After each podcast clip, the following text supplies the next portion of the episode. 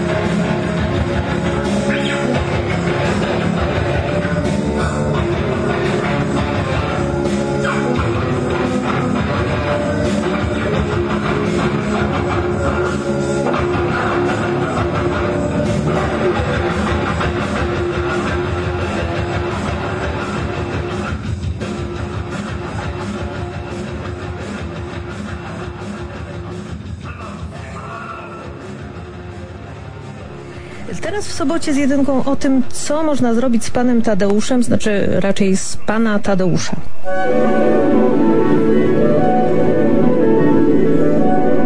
Litwo, patrujo mia, simila al sano, vian grandan valoron ekkonas Litvano. Tłumaczenia pana Tadeusza na język Esperanto dokonał Antoni Grabowski, wybitny polski chemik, Mariusz Majewski, przewodniczący warszawskiego oddziału Polskiego Związku Esperantystów. Dokonał tego w czasie I wojny światowej, kiedy zmożony chorobą mieszkał w Warszawie. Jego praca uchodzi dziś za arcydzieło tłumaczenia. Obok wierności przekładu udało się zachować rytm trzynastozgłoskowca, co osiągnięto w bardzo niewielu tłumaczeniach. Ne, ne, ne, ne Varsovia vento la pola, sed la unua programo de la pola radio, gi, subite. Fragmento de signoro Tadeo in Esperanto, kiun presentis Mariusz Majewski, la presidento de la Varsovia filio de la pola Esperanto Asocio. Interesa reclamo en la nia internazia Perete unu el la plej popularaj verkoj in Polando, pole compreneble, kai en unu el la plej aŭskultataj radio elsendejoj. Gratulojn, Marius. Kai al vi, auscultantoi, compreneble saluton, ki ajn vi estas kaj auscultas nian programon.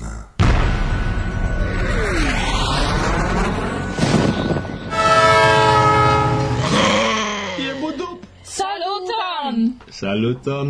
Kiom longe mi ne vidis vin? Longe. Duon jaron? Jardekon? Jarmilon? Jarmilionilon. Iar milonigon. No, ni ne troigo. Ja jus pasin semane ni rencontigis en la bierumeio Lucifer. Fakte, okazis la unua pivo. Ci estas pivo? Pivo estas pola internacia eh. versovia varsovia okazaĵo. Mm, eh. bedaŭrinde mi ne ĉeestis. Bedaŭru. Sed tio ne estis renkontiĝo ĉe la mikrofono. Jes, tion vi pravas. Do, nun ĉe la mikrofono kun nia nova redaktoro. Kio estas redaktoro? antau vicarai, simpatiei, cae fidelai auscultantoi de, Varsovia vento, kabum, bum bum kanabi. Bum bum kanaba. Compreneble, yes? Yes fakte pri la jes ankoraŭ ni parolos. Ne nur ni? Kiu ankoraŭ? Żenia kaj Lena mencios pri nia noviara renkontiĝo. Żenia kaj Lena? Vi ne estis dum markones, do vi ne scias pri ilia koncerto tie. Tamen mi memoras ilian koncerton dum la jes du jarojn antaŭe en Burg. La patrino kaj filino, ĉu? Jes, ekzakte. Do, antaŭ ol ni kungvidos la programon diru ni ion sencan. Kion? Kion? Ek. Ek? kio signifas ek? Simple ek. Simple ek. Eka Esperanto. Do kio hodiaŭ en la programo? La muzika intervjuo kun Żenia kaj Lena el Germanio. Vere ni rekomendas. Speciale al Volodia Soroka kaj Jomart kun Natasha. Ni esperas ke nun vi aŭdas nin. Saluto indo al vi el Varsovio. Ĉe la okazo kore mi salutas ankaŭ Glavkoson kaj Markon. Koran saluton. Ĉu pro la komentoj? Ne, laste ili estis gastoj en nia hejmo. Hmm, kaj kio pri la komentoj? Ho, la temo kiel river vero. Yes, mi rimarkis. Ni perdus tutan elsendon por lautlegi tiujn commentoin. Speciale lige kun la son raportoj el Mazara. Yes, sed ne nur. Ankaŭ la lasta programo varbis atenton. Dankon karaj ke vi lasas commentoin. Pro tio ni scias, ke ne nur orele, sed ankaŭ memore vi estas kune kun ni. Orele? Yes, ja per io oni nin aŭskultas. Ĉu? Ah, orele. Dankon pro viaj oreloj. Kaj zorgu pri ilia pureco. Same kiel pri pureco pureco de la piedoi. Giuste. Kio estas orelo? estas tio, kion vi ne purigas. Ha ha ha ha ha.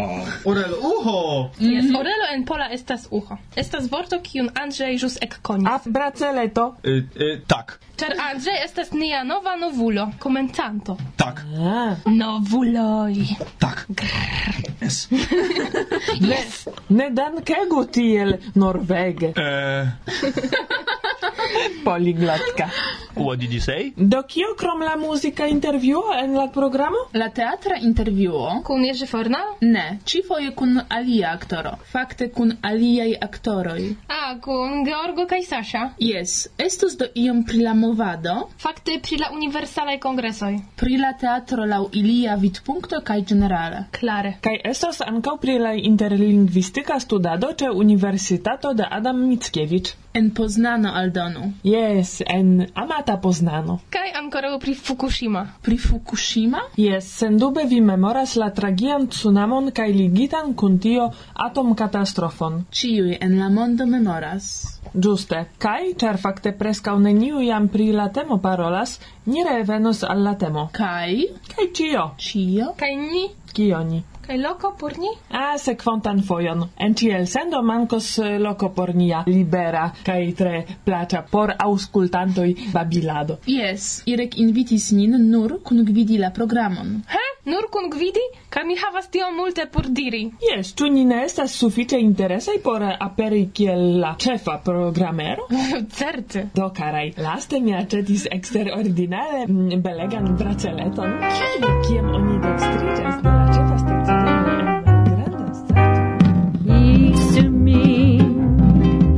mi muerte.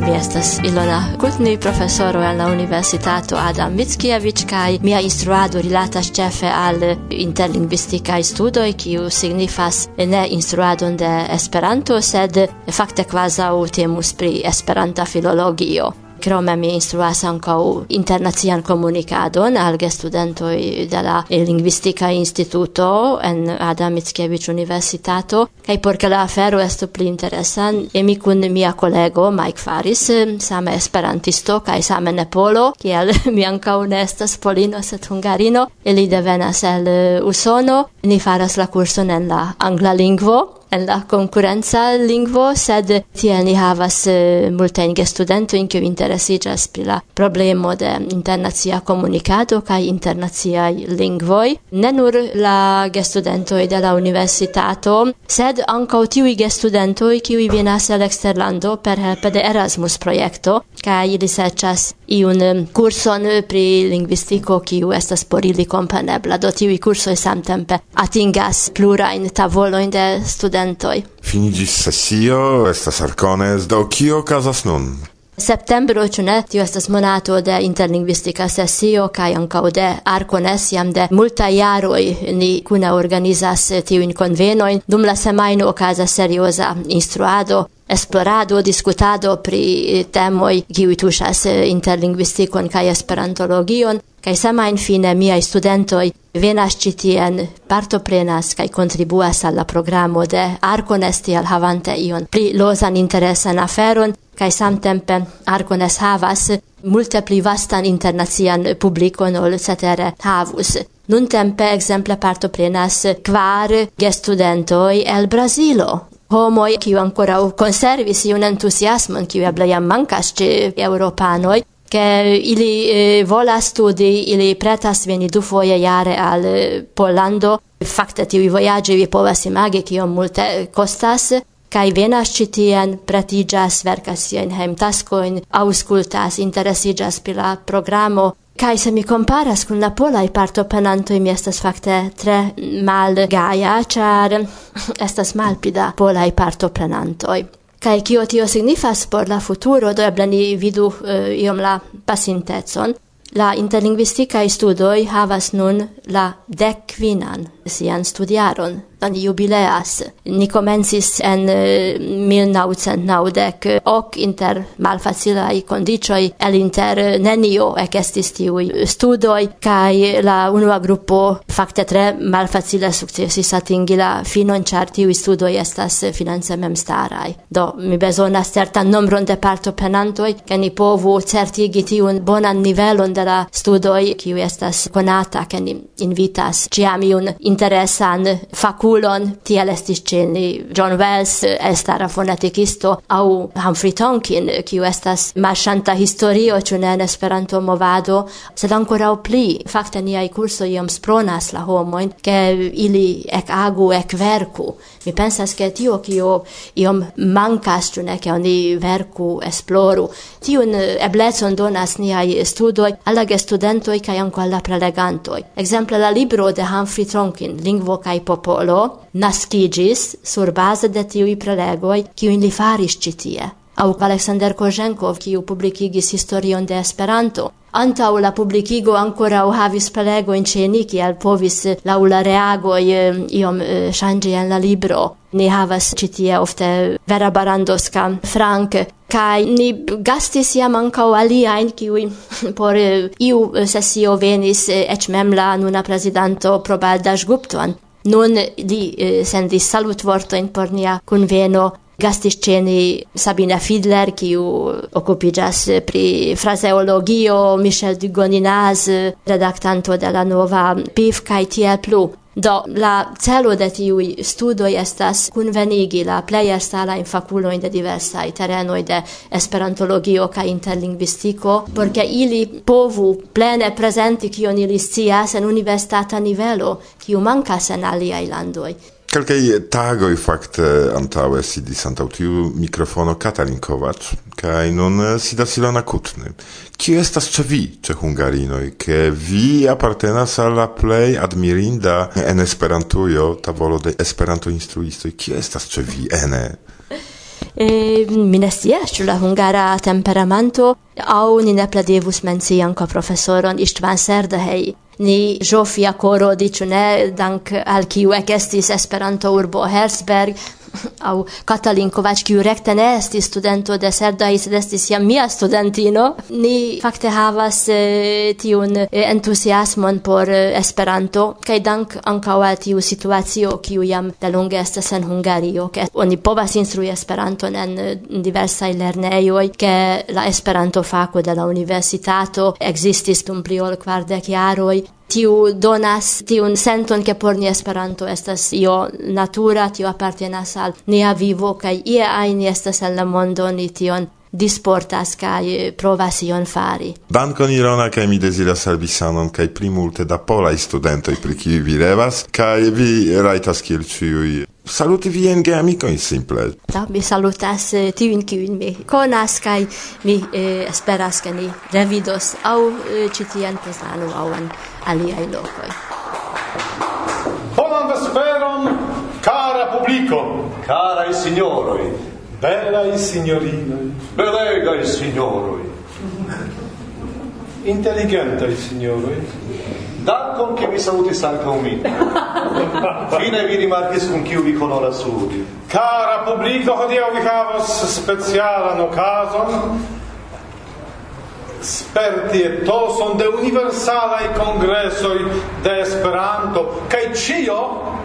Nur dum unu se vi forgesos la tekston, eble eĉ pli rapide. Saluton, eh, saluton, mi estas Saša Piripović, aktoro el Serbio. Georgo Hanslik, dankon pro la ĉeriza vodko bonega. Ĝis nun almenaŭ mi vidis spektaklon Ludovico Lazaro, eh, kiun eh, prezentis sur scene Georgo, sed hodiaŭ mi rimarkis ke Georgo jam ne plu sole kial Ia mi diris Georgo, skribu ion por ni du kai li scribis.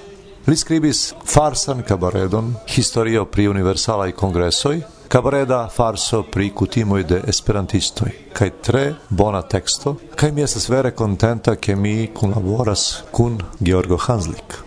Kaj mi spektante la spektaklon sentis iun blovon eh, de arto de Julio Bagi kaj Kalaman Kaloĉaj, ĉu ili influis vin al tiu satira superrigardo al esperantista movado? Do Julio Bagi skribis kelkajn satirajn romanojn, sed ĉefe li skribis lirikajn tekstojn kaj Kalaman Kaloĉaj skribis tre seriozajn belajn mi ŝategas ilin ambaŭ, sed ne hodiaŭ oni ne povas diri ke ili influas hodiaŭan literaturon, tute ne.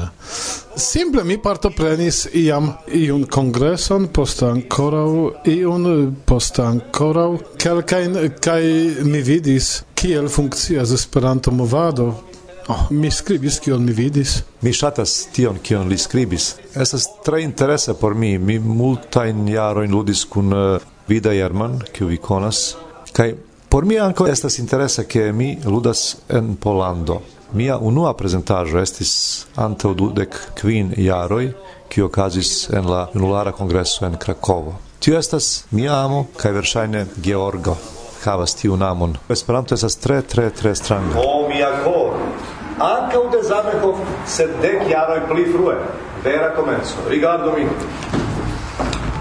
O mia cor, ne battu mal tranquille, el mia brusto nune saltu for, jam teni min ne povas mi facile, o mia cor. anca u de Zamenhof sedec jaroi pli frue. Ne eblas. Eblas. Malamicete de las nacies, cado, cado, iam tempesta. Malamicete de las nacies, cado, cado, iam tempesta. Yes, Sasha en Bialistoko diris Georgo ni devas ludi ion kune kion ni elektu. Li proponis kelkajn mond famajn dramojn por du aktoroj, sed mi diris ne, ni tion oni povas vidi en eh, propraj lingvoj, esperantistoj bezonas ion por ili. En Polando oni precipe plej volonte sursceneigas polajn aŭtorojn. En Serbio la serbajn. En Francio la francajn. Do ni ne faru tradukadon de iu Shakespearo, Moliero aŭ Mrożek. Ni devas fari ion pri ni mem kion nin tuŝas kai li devis attendi du jaroin gis mi successos fini la farson, versaine la unuan farson en Esperanto. Ĉu vi trovis iujn konatajn situaciojn dum la prezentado?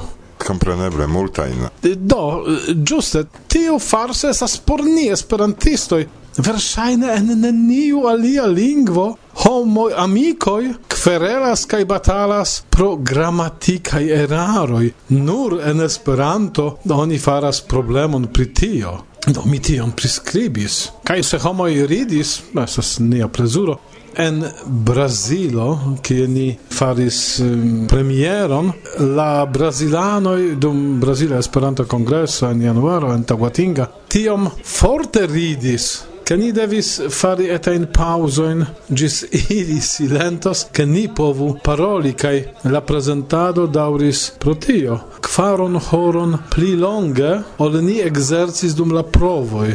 Do, ili evidente vidis sin quasau en la cripligita spegino. al verbai substantivai cae adverbai radicoi ne adjectivae gi adjectivigas per sia vortifico do presenti, ne sin presentigi! Ĉu la eksperimento aŭ provo kunlabori donas iun penson pri futuro, ke vi evoluos la kunlaboron eĉ pli multnombre prezentiĝos sur sceneje aŭ nur duope? En Esperanto unu aktoraj teatroj maloftas.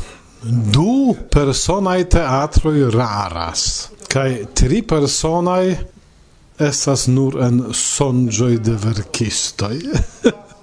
ne eblas, ne eblas fari eh, bonan teatron por pli ol du personoj.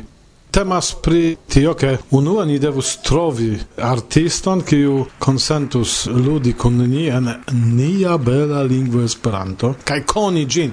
Sasha ne estas papago kiu lernis tekston, sed li vere parolas Esperanton. Mi ankaŭ parolas Esperanton. Se okazis io en la teatro. Ni successis improvisi kai la tuta spectantaro ridegis pri iu crocodilo, kiu ne comprenis kio okazas. Sed ni ne povis scii, che esos iu io kiu anstataŭ rigardi nin manipulis ion per eh, sia poŝtelefono. kai si zorgis pri la telefono, kai ni en la sama maniero, ke si ne vekiĝu, ni mokis sin dum du minutoi kai la tuta spectantaro rigardis sin, kai nin kaj ridegis. Do, tion povas ludi homoj kiu parolas Esperanto. Do, unu ni devus trovi alian aktoron kiu ŝatas kaj li loĝas mil kilometrojn de mi. Do, ni ne povas interkonsenti matene, ke posttagmeze ni havas provon. Tieses granda laboro kai cetere ni havas regisoron, kiu felice esas polo kai loĝas en nia urbo. Do li laboras kun ni de mateno gis nocto dum dek kelkaj tagoj.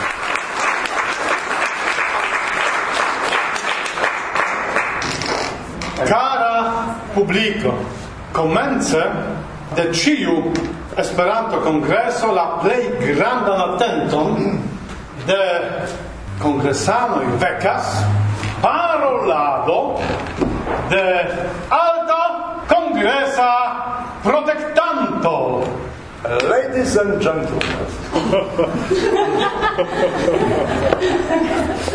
Pardonu, eble mi tradukos. Eh, ge gekongresanoj, venintai el ciui landoi de la mondo al nia bela paz ama kai gastema lando. Mr. President is on holidays. Mi havas por vi mesaĝon de signor presidente de mia lando, kiu tre bedaŭras, ke gravaj ŝtataj okupoj malpermesis al li veni al la kongreso de pac. Vis pro tio li petegas de vi veran sen kulpigon. Homo demandas, vi memoris unu coron cae duono da texto por Ludovico. Sed ciu actoro diros al vi, che tio esas la plei facila parto de la laboro. Cio alia estas multe pli malfacila, Kai se oni ludas duope, oni devas bone coni unu la alian porque oni en iru en giusta momento lian penson sur la sceneo ciam ocasas iomete da improvizacio, ciu spectacle sas alia en alia loko, alia sceneo, aliaj spectantoi, ni simple devas ludi dum plurai horoi la samajn gestojn, por porque posta ni povu esti certaj, che tio funkcias. Ni faras kiel ciu profesia teatro, prescau quardec provoin, quar horain, Do tio estas investo da tempo, da mono kaj jes kaj poste homoj ridas kaj tio estas plezuro. Do ni devas konkludi ke sen la mono ne ekzistas teatro. Ĉu ne? Tamen ekzistas mi aldonus sen emo ne existas char se emo ekzistas ankaŭ eh, oni trairos ĉiujn barojn, ĉiujn malfaciligojn por ke iu nia ideo kiu crescas en nia coro facte ec funcciu Cristanoin, Hebreoin, cae Ho, oh, fuck! um, mi Mi forgesis saluti faca in asocio.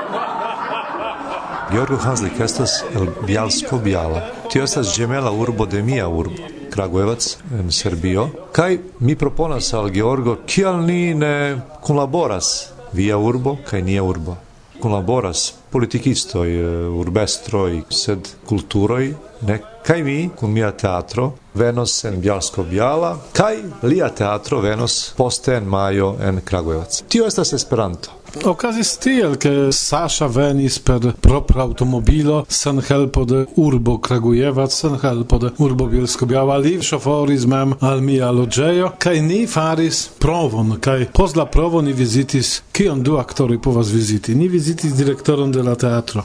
Kaj ni rakontis, ke existas du teatroj en du ĝemelaj urboj kaj la aktoroj neniam vidis unu la alian kaj la publiko neniam vidis teatron de la alia urbo. Do Giuste Sasha kaj Georgo fondis kun laboron inter du teatroj serba kaj pola kaj nun tio jam komencis efektiviĝi. Do li kaj mi estas fondinto de kunlaboro de neesperantaj teatroj inter du urboj.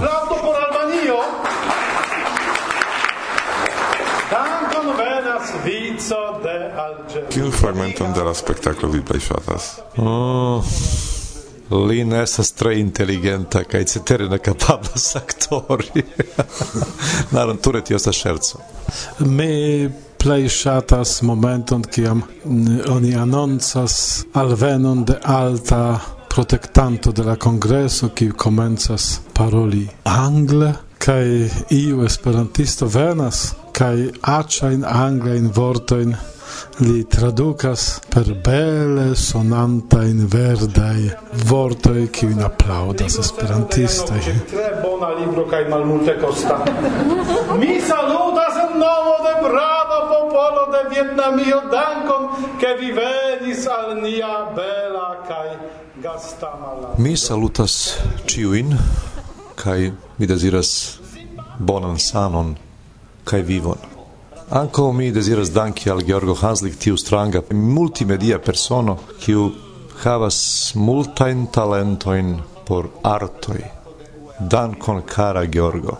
Do, mi devas menci anca unian regisoron Kuba Abrahamovic el Bielsko-Biało, al kiu ni shuldas Grandan dankon pro ambau spektakloj. Ludovico Lazaro, kiun mi ludis dudek sep foje dum tri jaroj en dek sep landoj sur kvar kontinentoj, kaj pro la farso kompleta preskaŭ historio de universalaj kongresoj, kiujn ni kun Saŝa hodiaŭ en Poznano dum Arkones ludis jam sepan fojon, kaj ni komencis en januaro en Brazilo.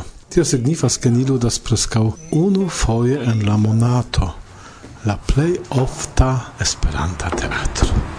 Saluton, mi estas Georgo. Kiu estas vi? Saluton, mi estas Sasha. Kiu estas vi? Saluton, mi estas Georgo. Kiu estas vi? Kiu estas vi? Mi estas Sasha. Ĉu via teatro havas nomon? Jes, ĝi estas la granda internacia teatro verda banano. Koran dankon pro intervju. Koran dankon. Dankon pro la bonega ceris brando kiu akompanis nian intervjuon. Nu, simple mi povas aldoni Varsovia vento bla bla bla.